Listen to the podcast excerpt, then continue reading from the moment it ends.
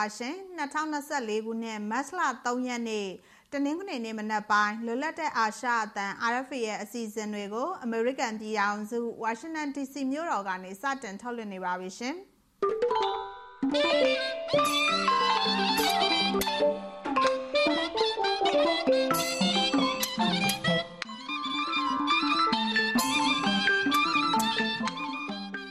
ဝေမာထွန်းပါရှင်ဒီနေ့မနက်အစီအစဉ်မှာထိုင်းလွတ်တော်မှာကျင်းပတဲ့မြမအရေးဆွေးနွေးပွဲကိုစစ်ကောင်စီကကန့်ကွက်လိုက်တဲ့သတင်းအပါအဝင် နောက်ဆုံးရသတင်းတွေနဲ့အတူရခိုင်တိုင်းသားဘာသာအစီအစဉ်ကိုထုတ်လွှင့်မှုပြင်ဆင်ထားပါတယ်ရှင်သတင်းတွေကိုအရင်ဆုံးထုတ်လွှင့်ပါမယ်ရှင်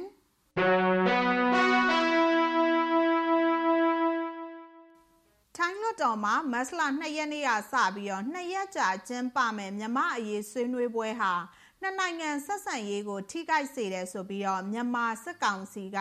ပြင်းပြင်းထန်ထန်ကန့်ကွက်ကြောင်းထိုင်းနိုင်ငံသားရေးဝန်ကြီးဌာနကိုစာပေးပို့လိုက်ပါတယ်။ထိုင်းလွှတ်တော်အနေနဲ့နှစ်နိုင်ငံယင်းနှိမှုကိုအဟန့်တားဖြစ်စေနိုင်တဲ့လှုပ်ရှားမှုတွေမလုပ်ဖို့စစ်ကောင်စီရဲ့ကန့်ကွက်စာမှာထည့်သွင်းပြောထားပါတယ်။ဒီဆွေးနွေးပွဲကိုစစ်ကောင်စီကိုစန့်ကျင်သူတွေပါဝင်တဲ့ထိုင်းအတိုက်ခံလွှတ်တော်အမတ်တွေကဥဆောင်ကျင်းပခဲ့တာဖြစ်ပါတယ်။ ထိုင်းနိုင်ငံအမျိုးသားလုံခြုံရေးနဲ့နယ်စပ်ရေးရာကော်မတီဥက္ကဋ္ဌကဒီဆွေးနွေးပွဲဟာမြန်မာနိုင်ငံအတွက်ငြိမ်းချမ်းပြီးတော့ရေရှည်တည်တတ်မဲ့နိုင်ငံရေးကို အဖြေရှာဖို့လမ်းခင်းပေးထားတာလို့ပြောတဲ့အကြောင်း Reuters သတင်းမှာဖော်ပြပါတယ်။ ဆွေးနွေးပွဲမှာထိုင်းနိုင်ငံသားဝန်ကြီးကမိကွန်းပြောဖို့ယာထားခဲ့ပေမဲ့အစီအစဉ်ပြတ်ခဲ့ရတယ်လို့ဆိုပါတယ်။ဆွေးနွေးပွဲကို NUG နိုင်ငံသားရေးဝန်ကြီးဒေါ်စင်မာအောင်နဲ့ကုလသမဂ္ဂဆိုင်ရာမြန်မာတပ်အမတ်ကြီးဦးကျော်မိုးထွန်းတို့ကအွန်လိုင်းကနေပါဝင်တက်ရောက်ခဲ့ပါတယ်ရှင်။ရခိုင်ပြည်နယ်ကမွတ်စလင်အတိုင်းဝိုင်းအနေနဲ့ငြိမ်းချမ်းတိုးတက်ပြီးတော့ ညီညွတ်တဲ့တိုင်းပြည်တည်ဆောက်ဖို့စစ်ကောင်စီရဲ့ပြည်သူစစ်မှုထမ်းဥပဒေကိုစန့်ကျင်ကန့်ကွက်ကြဖို့ရခိုင်တပ်တော် AA ကမတ်လ2ရက်နေ့မှာတိုက်တွန်းလိုက်ပါတယ်။စစ်ကောင်စီဟာသူတို့ပြဋ္ဌာန်းလိုက်တဲ့ပြည်သူစစ်မှုထမ်းဥပဒေကိုဗန်းပြပြီးတော့ရခိုင်ဒေသကမွတ်စလင်အတိုင်းဝိုင်းကိုနီလန်ပေါင်းစုံတုံးပြီးတော့အတင်းအဓမ္မစစ်မှုထမ်းဖို့ကြိုးပမ်းနေတယ်လို့ပြောပါတယ်စစ်ကောင်စီပြောခွင့်ရဗိုလ်ချုပ်စော်မင်းထွန်းကို RFA ကဖုန်းနဲ့ဆက်သွယ်မေးမြန်းခဲ့ပေမဲ့လက်ခံဖြေကြားတာမရှိပါဘူးရှင် တနင်္သာရီတိုင်းဒဝယ်မြို့နယ်အရှိတော်ဒေသမှာစစ်ကောင်စီရဲ့လေကြောင်းတိုက်ခိုက်မှုနဲ့နှစ်ဖက်တိုက်ပွဲတွေကြောင့်နှစ်ပတ်အတွင်းစစ်ပေးဒုက္ခသည်9000ကျော်အထိရှိလာပြီလို့ကရင်အမျိုးသားအစည်းအရုံး KNU တက်မဟာလေးတာဝန်ရှိသူတွေကပြောပါတယ်။ကျေးရွာ၁၂ရွာကဒီစစ်ပေးဒုက္ခသည်တွေအတွက်စားနပ်ရိက္ခာနဲ့ဆေးဝါးအကူအညီတွေလိုအပ်နေတယ်လို့ပြောပါတယ်။ဒဝယ်မြို့အရှိတ်ထိုင်းနယ်ဇက်ကိုသွားတဲ့ဒဝယ်ထီခီလန်တလျှောက်မှာ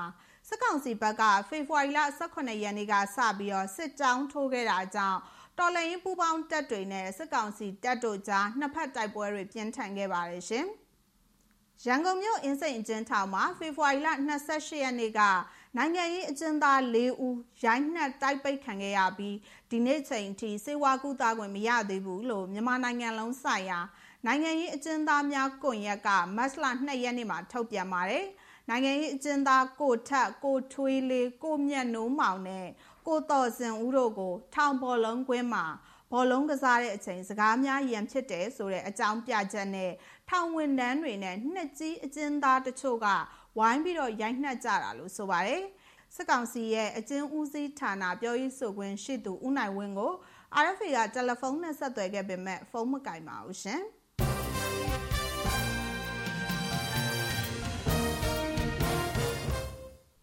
သတင်းတွေကိုထုတ်လွှင့်ခဲ့တာပါရှင်အခုဆက်လက်ပြီးတော့သတင်းဆောင်မတွေကိုထုတ်လွှင့်ပါမယ်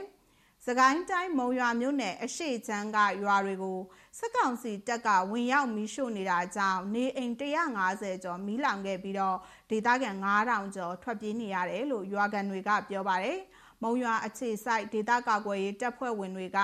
စစ်ကောင်စီတပ်ဟာသူတို့အထိုင်စခန်းဝင်းကျင်မှာ တော်လန်ရေးအင်အားစုတွေခိုအောင်မှကြောက်လို့အယက်သားနေအိမ်တွေကိုမိရှို့နေတာလို့ပြောပါတယ်။ကိုကြေရဆက်ပြီးတော့ပြောပြမှာပါရှင်။စကိုင်းတိုင်းမုံရွာမြို့နယ်အရှိချမ်းကရွာတွေကိုဖေဖော်ဝါရီလ28ရက်နေ့ကနေ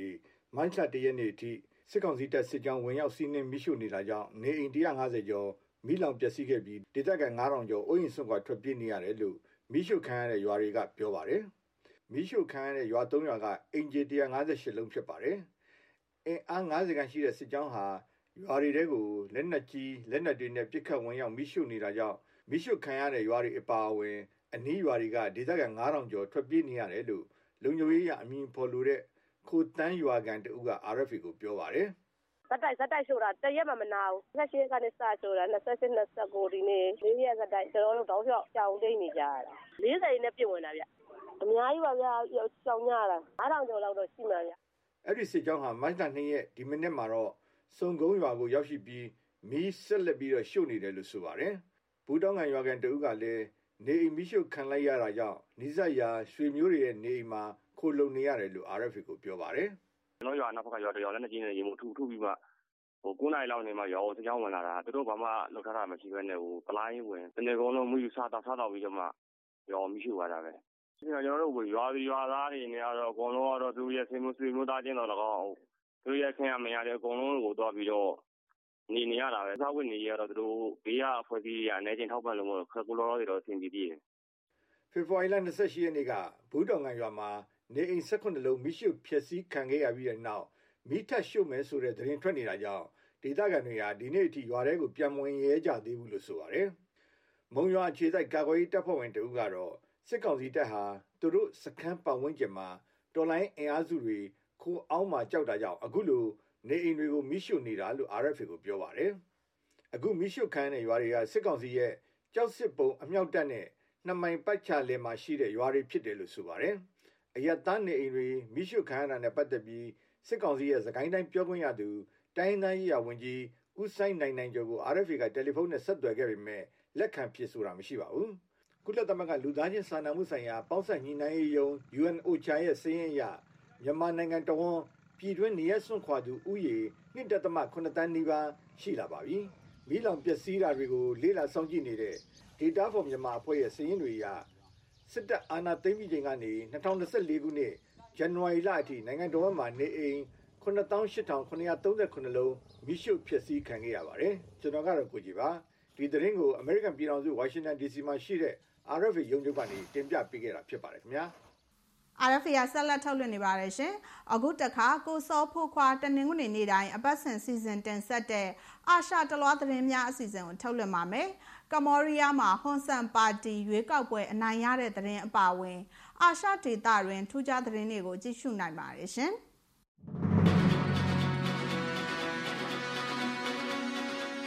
အရှိတောင်အာရှမှအကြီးဆုံးဖြစ်တဲ့ကော့ဘရာကိုပူးတွဲစစ်ရေးလေ့ကျင့်ပွဲကြီးကိုစတင်နေပါပြီ။ကမ္ဘောဒီးယားထက်လွတ်တော်အမတ်ရွေးကောက်ပွဲမှာတော့ဝင်ကြီးချုပ်ဟောင်းဟွန်ဆန်ရဲ့ပါတီကနေအနိုင်ရသွားပါတယ်။ဖိလစ်ပိုင်သမ္မတဟောင်းအာနာရှင်မာကိုစ်ပြုတ်ကျတဲ့နှစ်ပတ်လည်နေ့အထိမ်းအမှတ်ဖြစ်ဆန္ဒပြခဲ့ကြပါတယ်။နောက်အသက်တက်လာမဲ့သမ္မတလောင်းကိုလက်ရှိအင်ဒိုနီးရှားသမ္မတဂျိုကိုဝီဒိုဒိုကနေ ဂုံတူးဆောင်ပွဲချီးမြှင့်ခဲ့ပါတယ်ဒီလိုထူးခြားတဲ့အာရှဒေါ်လာသတင်းများအစီအစဉ်ကိုအပတ်စဉ်တနင်္ဂနွေနေ့တိုင်းထုတ်လွှင့်ပေးနေပါတယ်ကျွန်တော်ဆော့ဖူခွာပါခင်ဗျာ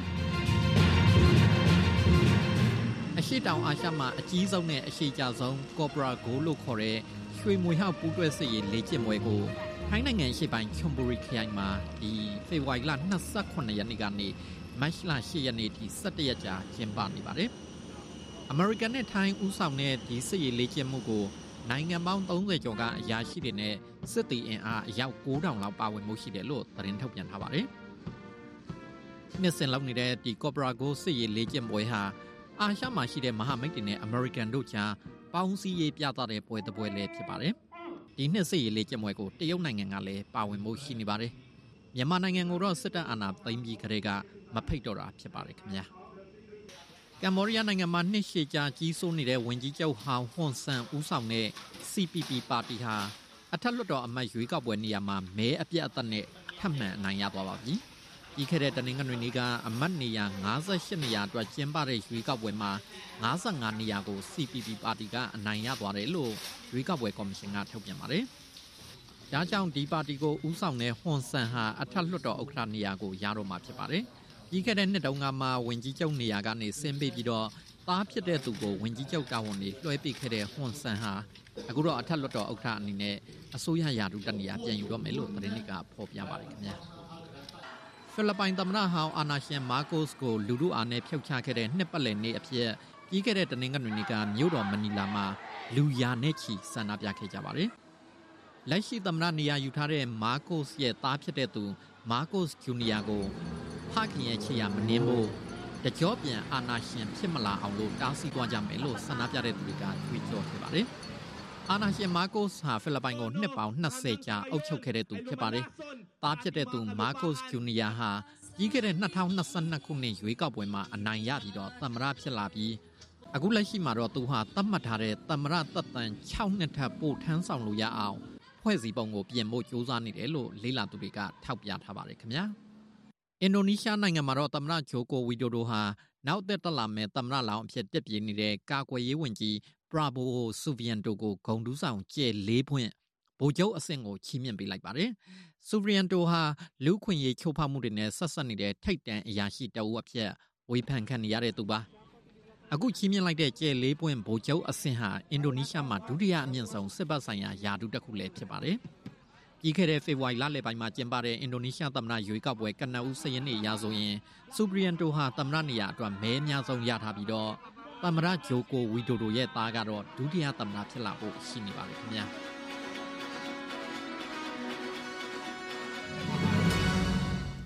RFA ရဲ့အစီအစဉ်တွေကိုကြည့်ရှုနေရတာပါရှင်အခုနောက်ဆုံးအနေနဲ့ရခိုင်တိုင်းသားဘာသာအစီအစဉ်ကိုထုတ်လွှင့်ပါမယ်မြန်မာစာတန်းတိုးနဲ့ကြည့်ရှုနိုင်ပါတယ်ရှင်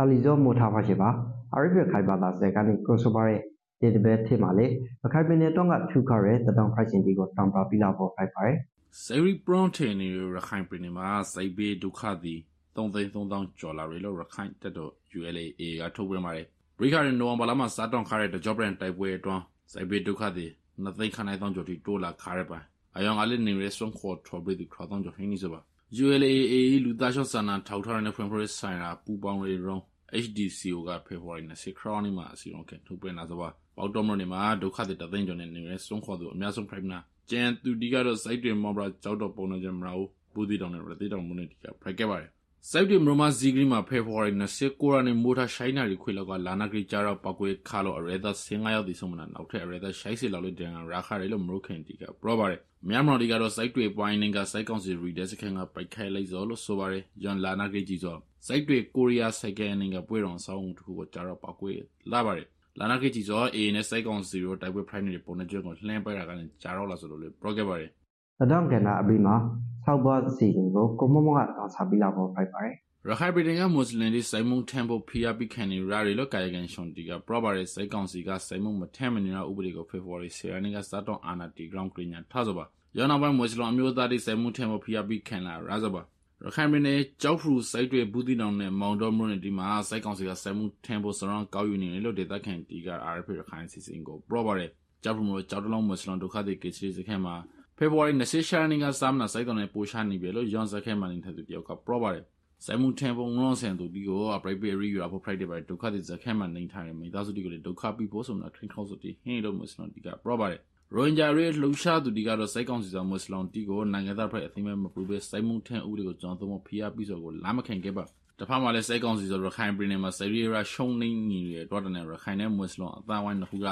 ပရိပခဖန်ဒီဘိုဂရုပန်နေဆိုလို့ဝေဖန်ခဲ့ပါတယ်စဲမှုထက်ဥပဒေမှာအသားဆေးရှိုင်းနိုင်ကနေ35နိုင်တောင်းထုတ်ပြန်ထားကြလေမွေးစလုံးဒီကိုကောက်ယူရအခါပါတော့သဲမဲအသားကြော်လွန်သူဒီလေးပေါအောင်ရလို့ဆိုပါတယ်ဧကချက်တီနဲ့ပတ်သက်လို့ စက်ကောင်စီရခိုင်ပြည်နယ်ပရိုခွန်ရပြည်နယ်ဥပဒေချုပ်ဦးလာသိန်းကမိမရဖို့ RFA ကတယ်လီဖုန်းနဲ့ဆက်သွယ်ခါကြလေဖုန်းမကိုင်းပါစိတ်တဲ့စိတ်မှုထင်ဖို့စရောကောက်ယူသောစိုက်တော်နဲ့ပြည်သူတွေလှုပ်ဆောင်နေတဲ့အထက် A ကသိမ့်ပိတ်ထားတဲ့မုန်းနေတီတော့မပါပါ A ဇောရခိုင်ပြည်နယ်မှာပိုင်းကပေါတော့မွန်ဘရာမေဘုံမရာဦးကြောက်တော်ပုံနေကျွန်းတောင်ပရိုနဲ့ပလာဝမုန်းနေတီကိုသိမ့်ပိတ်ထားဆိုဖိပါတယ်အရိပ်ခိုင်ပါတာဇိုက်ကိုစောင်းမြနာဆောင်ပိခတ်လေတော့တဲ့ချံပြလောင်း online ရှမေခဲ့ပါစီကျေးဇူးတော်ပရိကျွန်တော်ကတော့အောင်သူပါ